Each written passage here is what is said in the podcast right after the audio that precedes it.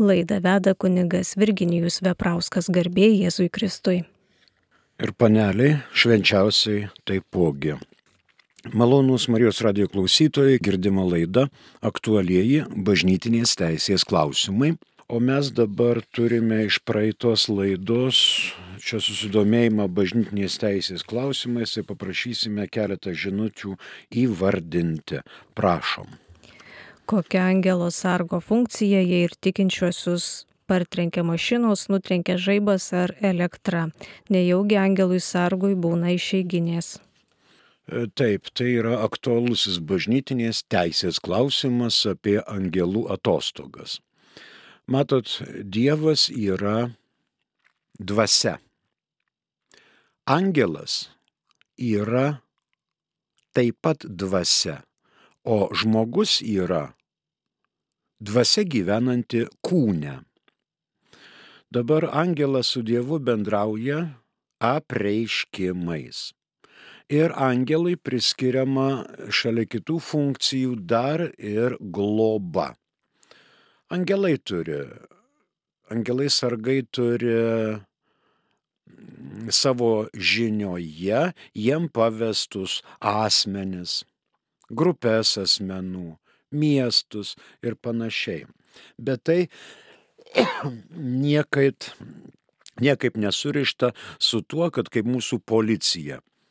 Ginti, saugoti, padėti. Reiškia, kur policija yra, ten niekas nevyksta, ten viskas tvarkoj. Angelas globoja teisiuosius, kurie turi teisumo prezumciją. O visi šitie mirtys, žaibai, autoįvykiai, gaisrai yra gimtosios nuodėmės pasiekmė.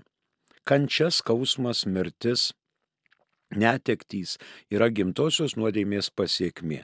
Ir negali Dievas liepti įsakyti angelam, kad dabar panaikink gimtosios nuodėmės poveikį žmogui ir išsaugo, kad elektra nepakratytų, kad dar kas nors net padarytų. Tam duotas protas. Nekišk žirklių arba atsuktuvo į rozetę ir neliesk prie metalinių daiktų, kad tave nepakratytų, nenupurtytų ne, ir nestovėk po medžiais arba per žaibavimą neplaukiok ežere, nes kals į tave žaibas ir joks angelas sargas nepadės. Nėra angelo sargo funkcija nuimti kiekvienam žmogui kažkokias kliūtis, kad jis galėtų netrukdomai šok nuo tilto ir angelas sargas podušką padeda, kad į vandenį nesusitrenktum arba į kokius akmenis. Tai ne tos funkcijos. Angelas sargas globoja. Ir dabartinė teologija šneka, kad angelai sargai turi savo žinioje, pavyzdžiui, miestą. Jeigu vienas teisus žmogus mieste gyvena, gali būti, kad angelai, angelas sargas apsaugos nuo atominės bombos susprogdinimo daugybę žmonių. Gali būti dėl Dievo gailestingumo. Nesudetonuos ar dar kas nors įvyks jeigu mieste bus bent vienas. Čia iš Seno testamento, iš Loto laikų. Ačiū šitą klausimą. Prašom kitas. Ar po mirties Dievas gali nuimti ekskomuniką, jei siela gailisi? Ačiū. E, bažnyčia tvirtina, kad žmogaus malonės laikotarpis baigėsi su lik mirtimi. Ir jeigu žmogus įpuolė į ekskomuniką ir nesigailėjo, nors prieš pat mirtį, ekskomunika jį lydi ir po mirties. Dievas yra, žinoma, be galo gailestingas, bet Dievas yra ir be galo teisingas. Artėja vėlinės per vėlinės, per visus šventus bus galima aukoti visuotinius atlaidus mirusiems. Jei žinome, kad kas nors yra įpuolęs į ekskomuniką, padovanokime jam visuotinius atlaidus. Nes bažnyčia skelbia, kad galima tuo laikotarpiu aukoti visuotinius atlaidus net ir mirusiųjų naudai. Dievas yra be galo gailestingas Tačiau šalia kitų savybių jis yra ir be galo teisingas. O ekskomunika lydi žmogų po mirties, jeigu jis nesigailėjo, žinodamas, užsispyręs, kad tai yra jo, jo tiesa, jo pasirinkimas. Dievas šitą pasirinkimą pagerbė. Pagerbė. Na ir kas dar pas mus? Dar du klausimai. Prašau. Ar galima katalikė santoka su musulmonu vienpusė? Musulmonas sutinka pastovėti šalia, bet kad kryžiaus ženklo nebūtų. Turbūt neįmanoma, klausia. Kodėl neįmanoma? E, tokios kaip po vienpusės santokos tai nėra. Kartais gali vietos ordinaras pakelti kokią nors vyro ir moters legalią santuoką į sakramento garbę. Dabar musulmonas viena šalis katalikiška, jinai tarkim, o jisai sužadėtinis yra musulmonas. Dabar, kad nebūtų kryžiaus ženklo, tai ar žegnotis bažnyčioje draudžiama, ar iš vis musulmonas negali žvelgti į nukryžiuotą jį ant kryžiaus atvaizdą? Jeigu jis negali žvelgti į nukryžiuotąjį atvaizdą, nu tai paprašot klebono, kad žinot, kaip yra ženklai, va, celofanų uždengti ir jinai, ta ženklas neveikia maišą kokį užmovį, taip ir čia. Jeigu yra labai didelė bėda, klebonas gali leisti tam pusvalandžiu ar valandai uždenkit kryžių, kadangi musulmonas nepajėgia žvelgti ir jisai nenori žiūrėti į tą kryžių. Te gali klebonas būti lankstus ir duoti santokos sakramentą. Bet kokiu e, teikti, palaiminti santuoką, kuri nėra sakramentas, bet tai yra kanoninė pripažinta santuoka. Bet kokiu atveju tarp katalikiškos ir musulmoniškos šalies, norint laiminti santuoką, reikia gauti vyskupo leidimą. Ir ten e, rašant klebonas turi pažymėti, kad šitas musulmonas negali pernešti nukryžiuotojų. Jis, pavyzdžiui, eina pro bažnyčią, nepakelia akių į viršų, kadangi ten yra kryžiaus ženklas viešai išstatytas su nukryžiuotoju. Jį net nupurto kaip elektrą. Tai vienas dalykas. Antras dalykas, gali musulmonas sakyti, nenoriu matyti, kaip žmonės žegnojasi. Čia jau yra bėda. Nuvažiuokit į musulmonišką šalį, įeikit į mečetę, kaip būdamas krikščionis ir pasakykit, aš nenoriu, pavyzdžiui, nusiauti batų ar dar ko nors padaryti, aš to ir ano noriu. Tai būsit nesuprasti ir būsit kaip musė iš barščių išmesti iš tos mečetės. Ten visai kita tvarka, nes ten Allahas taip nori. O čia galima statyti visokias sąlygas, bet irgi tam tikros ribos turi būti. Dabar musulmonas bažnyčioje, e, ką reiškia pastovėti. Jeigu pastovėti, daug kas stovi. Ir paukštis įskrenda atsitupę ant karnyzo. Ir šuvai bėga, ir kačiukas tenais kur nors atsinešamas tašytėje.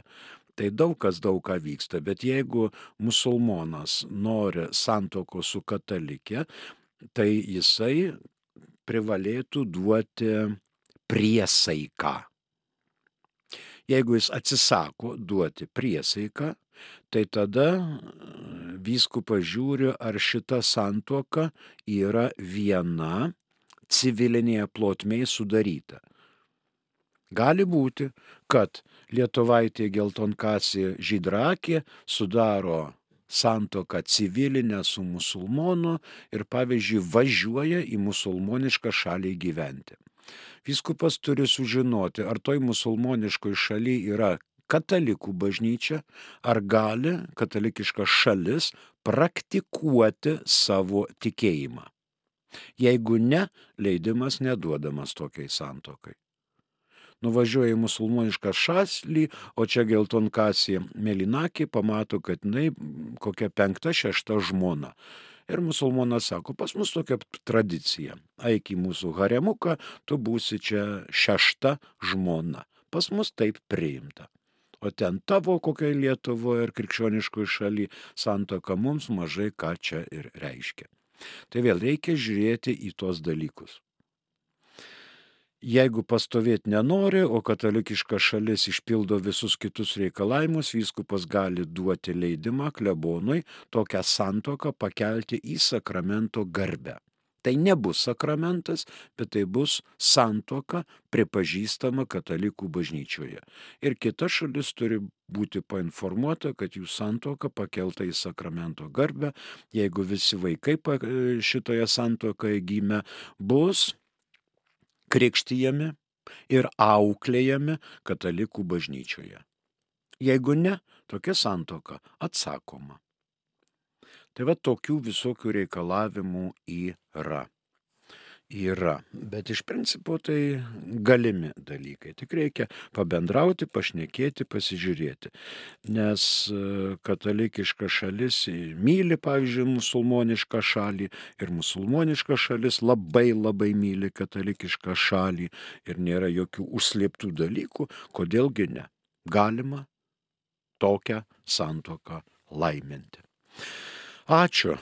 Prašom, dar vienas turbūt yra. Ar po išpažinties ekskomunika pasinaikina dėl padaryto aborto ir keleto atsiurbimų? Mhm. Padarytas abortas ir keli atsiurbimai. Paprastai šeimininkė, aišku, tvarkydama būtą, siurbliuoja. Sirbė kampus, ten yra šunų plaukai, kačiukų plaukai, po lovą ten visokių katinų pilna, per visus kampus tai siurbliuoja, siurbia. O dabar kas yra atsirbimas? Atsirbimas tokio termino bažnyčia nenaudoja ir bažnyčia, na pasižiūrėkim, čia tą 1300. 1398. Tas, kuris daro abortą užsitraukė ekskomuniką letė sentencija abortui įvykus. Tas, kuris daro, bendradarbiauja, užsitraukė ekskomuniką letė sentencija abortui įvykus. Abortui neįvykus, neužsitraukia. Dabar bažnyčia sako, kad nuo pat prasidėjimo momento, kai susijungia tos ten lastelės, yra nauja gyvybė. Ne po aštuonių savaičių ar dvylikos savaičių, bet nuo pat prasidėjimo momento, kai susijungia. Tai jau yra gyvybė. Ir tie visi atsiurbimai, tie visi išvalymai taip pat yra abortas. Aborte dalyvaujantieji pasiekmingame aborte dalyvaujantieji visi užsitraukia ekskomuniką. Dabar žmogus nueina iš pažinties, įvardina, gailisi, labai labai nuoširdžiai gailisi už padarytą abortą arba bendradarbiavimą pasiekmingame aborte ir kunigas priima sprendimą duoti išrišimą ar neduoti. Paprastai išrišimas duodamas. Paprastai, bet uždedama kažkokia atgaila. Ne taip, kad tris kartus sveika Marija ir, reiškia, čiuošk ramybėje iki sekančios nuodėmės. E, jeigu kunigas duoda išrišimą, tai išrišamos visos nuodėmės. Jėzaus citata, pamenate, per Evangeliją. Imkite šventąją dvasę. Kam atleisite nuodėmes, tiems jos bus atleistos. Kam sulaikysite, tiems bus jos sulaikytos. Tai va, jeigu kunigas duoda išrišimą, jis priima sprendimą, kad tam ar šitam atleidžiamos nuodėmės. Ir po išrišimo nei Dievas, nei velnės, nei kokios tai galybės nepriekaištaut žmogui, kad jis turi nuodėmių. Nuodėmės naikinamos. Naikinamos. Šventosios dvasios gale ir Kristaus žodžių valia. To žodžius gali ištarti tik tai kunigas ir vyskupas. Diakonas tokio, tokios galios neturi. Dabar ekskomunika. E, Lietuvos kunigai turi galę išrišti iš aborto, kitose šalyse tai yra rezervuota. Rezervuota kanauninkui penitenciarijui, rezervuota šventovės kapelionų ir taip toliau. Jeigu ateina pas uh, vikarą arba pas dekaną arba pas kunigą, žmogus iš pažinties uh, kartais kitose šalyse sako, aš išrišti to negaliu. Varyk į kokius aušros vartus, į Šilovą, į Kauno prisikėlimą, ten kunigai turi teisę išrišti. Nes aš tokios teisės neturiu. Ir kunigas privalo įvardinti, kodėl jis neduoda išrišimo. Ogai todėl, kad vyskupas yra rezervavęs tą galę kitiems kunigams, turintiems specialų įgaliojimą ir, reiškia, paruošimus. Tada jau pas tokį patekai ir ten jau labai lengvai nepraslysi. Ten bus šiek tiek daugiau tas daroma iki mirties. Mirties pavojui esant, nebūtina jau agonija, kviečiamas pa žmogų kunigas. Ir kunigas duodamas patepimą, išriša žmogų net ir iš užmirštų nuodėmių. Jeigu, jeigu net ir žmogus nesuvokia, kad jis yra patekęs į ekskomuniką, patepimas atleidžia žmogui ir užmirštas nuodėmės. Tai labai svarbu. Jeigu kad ir daug abortų, kad ir daug ekskomunikų, pavyzdžiui, moteriai, jeigu kunigas duoda patepimą, duoda išrišimą, toks žmogus laidojamas su katalikiškom apieigom ir iškilmingai, kadangi jam buvo suteiktas ligonių patepimas ir jam visos nuodėmės atleistos. Bausmės? Ne. Bet nuodėmės? Taip. Ir tikėtina, kad žmogus kažk, kažin kada pateks į dangų.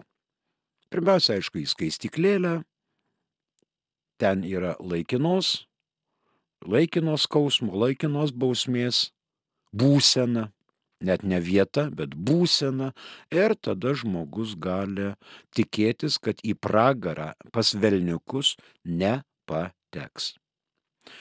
Ačiū iš klausimus, dar turbūt šioj laidoj turim klausimą, ar ne? Kas šitokio nepasirodė niekas. Gerai primenu, kad e, girdima laida aktualieji bažnytinės teisės klausimai. O mes dabar reikime apie tą laidelę, kurią pradėjome ir nebaigėme, apie šventovės. Iš eilės 1232 kanonas. Pirmas paragrafas.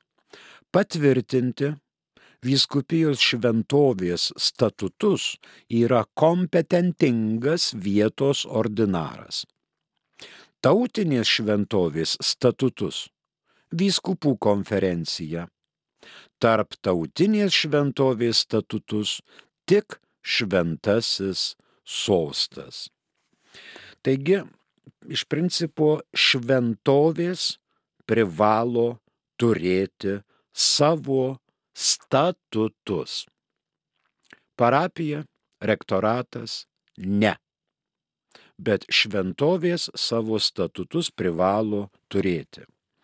Vyskupijos šventovės lygijas už statutą atsakingas yra vietos ordinaras ir jam prilykstantieji ten apaštalinis administratorius atitinkamai, prefektai ir, ir taip toliau. Bei vyskupo generalvikaras ir vyskupo vikaras gali tvirtinti statutus, jei jisai turi vietos ordinaro įgaliojimus. Vietos ordinaras įgalioja, pavyzdžiui, vyskupo vikarą arba generalvikarą tvirtinti statutą. Ir tas rūpinasi, derina, analizuoja, ruošia dokumentus ir tvirtina statutą. Reiškia, šventovės statutas ir bus patvirtintas. Tautinę šventovę, tautinės šventovės statutą tvirtina vyskupų konferencija. Tai jau jos prerogatyva. O tarptautinės šventovės statutą tvirtina apaštalų sostas. Pavyzdžiui, Liurdas, Fatima jau yra tarptautinės šventovės. O pas mus tai ką čia? Mes žinome aušos vartus, žinome pivašiūnus, žemaičių kalvariją, kryžių kalną, šilovą, o neseniai įsteigta yra, aišku, Kauno prisikėlimų bazilika kaip šventovė dėl piligrimų antplūdžio ir taip toliau. Dabar statutai. Kas statutuose turi būti apibriešta? Turi būti apibrieštas šventovės tikslas. Dėl ko ta šventovė yra skelbiama tokia.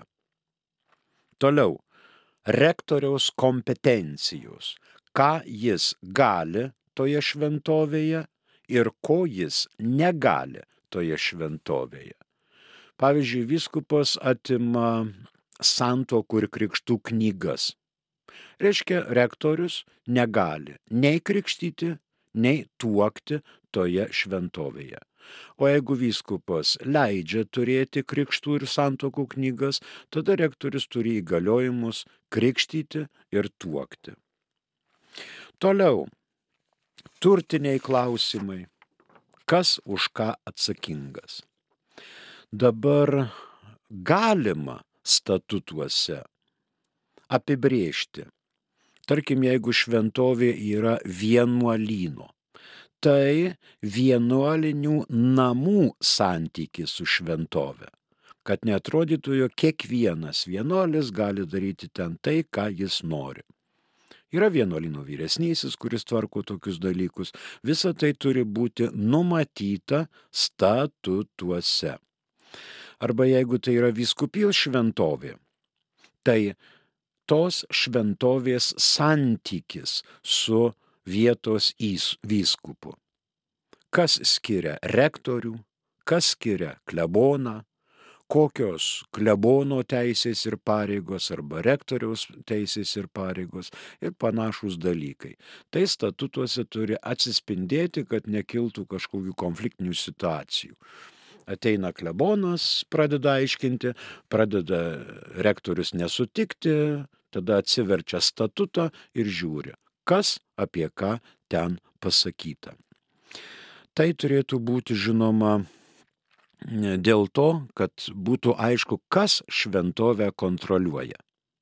Ar vietos vyskupas, jeigu vyskupijos mastu, ar vyskupų konferencija, jeigu yra tautinė šventovė, ar aplamai apaštalų sostas, jeigu tai yra tarptautinė šventovė. Na, mums gali ateiti dar į pagalbą 94 kanonas. Žvilgterėkime.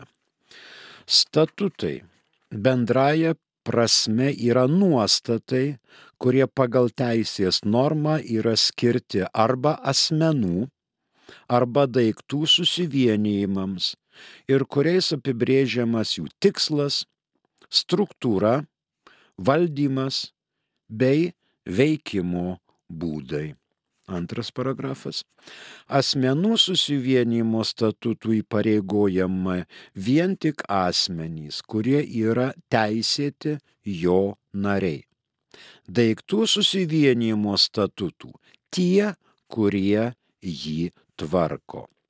Trečias statutų nuostatos sukurtos ir paskelbtos įstatymų leidžiamosios valdžios gale tvarkomos pagal kanonų bei įstatymų nuostatas. Dabar mm, nebūtina šventovę įsteigti kaip juridinį asmenį. Parapija yra juridinis asmuo o šventovė gali būti ir ne juridinis asmuo. Taip pat nėra būtinas laipsniavimas, kad šventovė pirmiausia būtų vyskupijos lygmenio, po to tautinė ir tik tai po to tarptautinė. Apaštalų sostas gali iškart daryti tarptautinę šventovę, tą ar kitą, jeigu yra piligrimų antplūdis, jeigu ten darosi po tyrimų, ko visokie kitokie dalykai, kurie paštalo sostui atrodo, kad galima daryti tarptautinę, tarptautinę šventovę. Ir aišku, galima daryti iš tautinės, iš e, tautinės šventovės redukuoti į vyskupijos lygio. Jeigu atsiranda aplinkybė, sumažėja ženkliai piligrimų skaičius ir vietos vyskupas to prašo, vyskupų konferencija su tuo sutinka. Aišku, jeigu šventovė yra tautinė ir valdoma vienuolijos, vyskupas prašo ir iš tautinės šventovės tampa diecezinė šventovė. Tada vienuolynas gali rašyti rekursą, kad jis patiria žalą, kad per daug naglai čia redukuojama ir vienuolynas su tuo nesutinka. Reiškia, galimas rekursas. Pavyzdžiui, sumažėjo piligrimų skaičius ir taip toliau. O vienuolynas nori, kad tai būtų tautinio lygio šventovė. Va tokie visokie dalykai yra galimi. Tuoj fiksuosime 1232, bet e, mus pasiekė dar žinutė, prašom. Paulina klausė, prašau pakomentuoti popiežiaus pasisakymą, kad prezidentai turėtų tartis dėl taikos.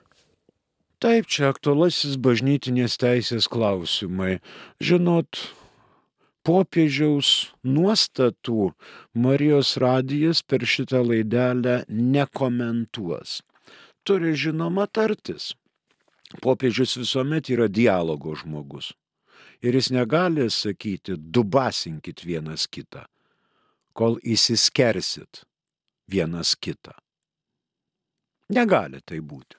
Popiežius visuomet yra už taiką, kad reikėtų pirmiausia tartis dėl taikos. Dėl kokios taikos tartis? Dėl kontribucijų, dėl žalos atlyginimų, tartis dėl taikos. Visų pirma, turėtų karas, aišku, liautis. Ne tik ten, bet ir visur kitur. Liautis turėtų karas. Nuo Seno testamento, nuo Abelio ir Kaino laikų brolžudiški dalykai vyksta ir bažnyčia tvirtina, kad tai yra gimtosios nuodėmės pasiekmė. Prisimenat visokias apokalipsės, ten ėriukas gulės šalia liūto, liūtas šies, ės šiaudus. Va toks vaizdas. Kaip tu liūtui, liūtą priversi ėsti šiaudus. Sakai, nesąmonė. Jis sukurtas žudyti, draskyti, plėšyti, ten visokias gazelės bizonus. O čia e, šventas raštas pateikia tokią mintį, kad patilps ėriukas šalia liūto. Taip būti turėtų. Turėtų visi taikiai sugyventi. Bet liūtas kaip draskė, taip ir draskys, o ėriukas kaip žiaumojo žolytę, taip ir žiaumos. Nežiūrint to, šventas raštas ragina, kad atsikvošėtumėme. Ačiū. 1232 e, fiksuojame. Pirmas. Patvirtinti vyskupijos šventovės statutus yra kompetentingas vietos ordinaras. Tautinės šventovės statutus vyskupų konferencija. Tarptautinės šventovės statutus tik šventasis sostas. Statutuose visų pirma turi apibrieštas būti tikslas, rektoriaus valdžia, gerybių nuosavybė ir administravimas. 1233. Šventovėms gali būti suteiktos tam tikros privilegijos, kai atrodo, kad tai tikslinga dėl vietos sąlygų, piligrimų gausos ir ypač dėl tikinčiųjų gerovės. Dabar galima šventovę išimti iš vyskupo jurisdikcijos ir perduoti į apaštalų sosto jurisdikciją. Tai jau nusprendžia jo šventenybės įkurtos dikasterijos. Aišku, galima teikti atlaidus jau tada Gali ir vyskupas suteikti papildomus atlaidus gavęs apaštalų sosto leidimą. Gali apaštalų sostas tokiu atveju skirti atlaidus papildomus. Pavyzdžiui, kaip girdėjote, gali būti suteiktas atleidimas nuo abortų. Vat tik toje šventovėje kunigai, kurie yra paskirti, gali atleisti, duoti išrišimą iš abortų cenzūros. Dabar gali būti specialus liturginis šventimas, daugiau procesijų ir taip toliau, taip toliau. Mums į pagalbą ateina turbūt 76 kanonas, žvilgterėkime, ką jis rašo. 76 pirmas paragrafas privilegija arba konkretiems tiek fiziniams, tiek juridiniams asmenims atskirų aktų duota malonė gali būti suteikta tiek įstatymų leidėjo, tiek vykdomosios valdžios, kuriai įstatymų leidėjas suteikė tokią galę. Antrasis šimtmetinis ar netmetamas turėjimas prezumuoja, kad privilegija buvo suteikta. Tai va čia eina jau privilegijų reikalas. Pati kompetentinga valdžia arba deleguota gali tą naudoti. Bausmių atleidimą, tarkim, gali deklaruoti ir taip toliau.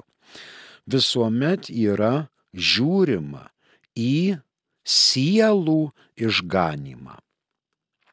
Kad kuo daugiau žmonių gautų malonių ir kad jų siela būtų teisi, rami, kad jie atlikusi darbą su gyvu tikėjimu atėjus į šventovę išsineštų teisumo prezumciją, kad jaustųsi tikrai teisus žmogus, padaręs arba atlikęs tą ir gavęs Dievo nustatytą malonę.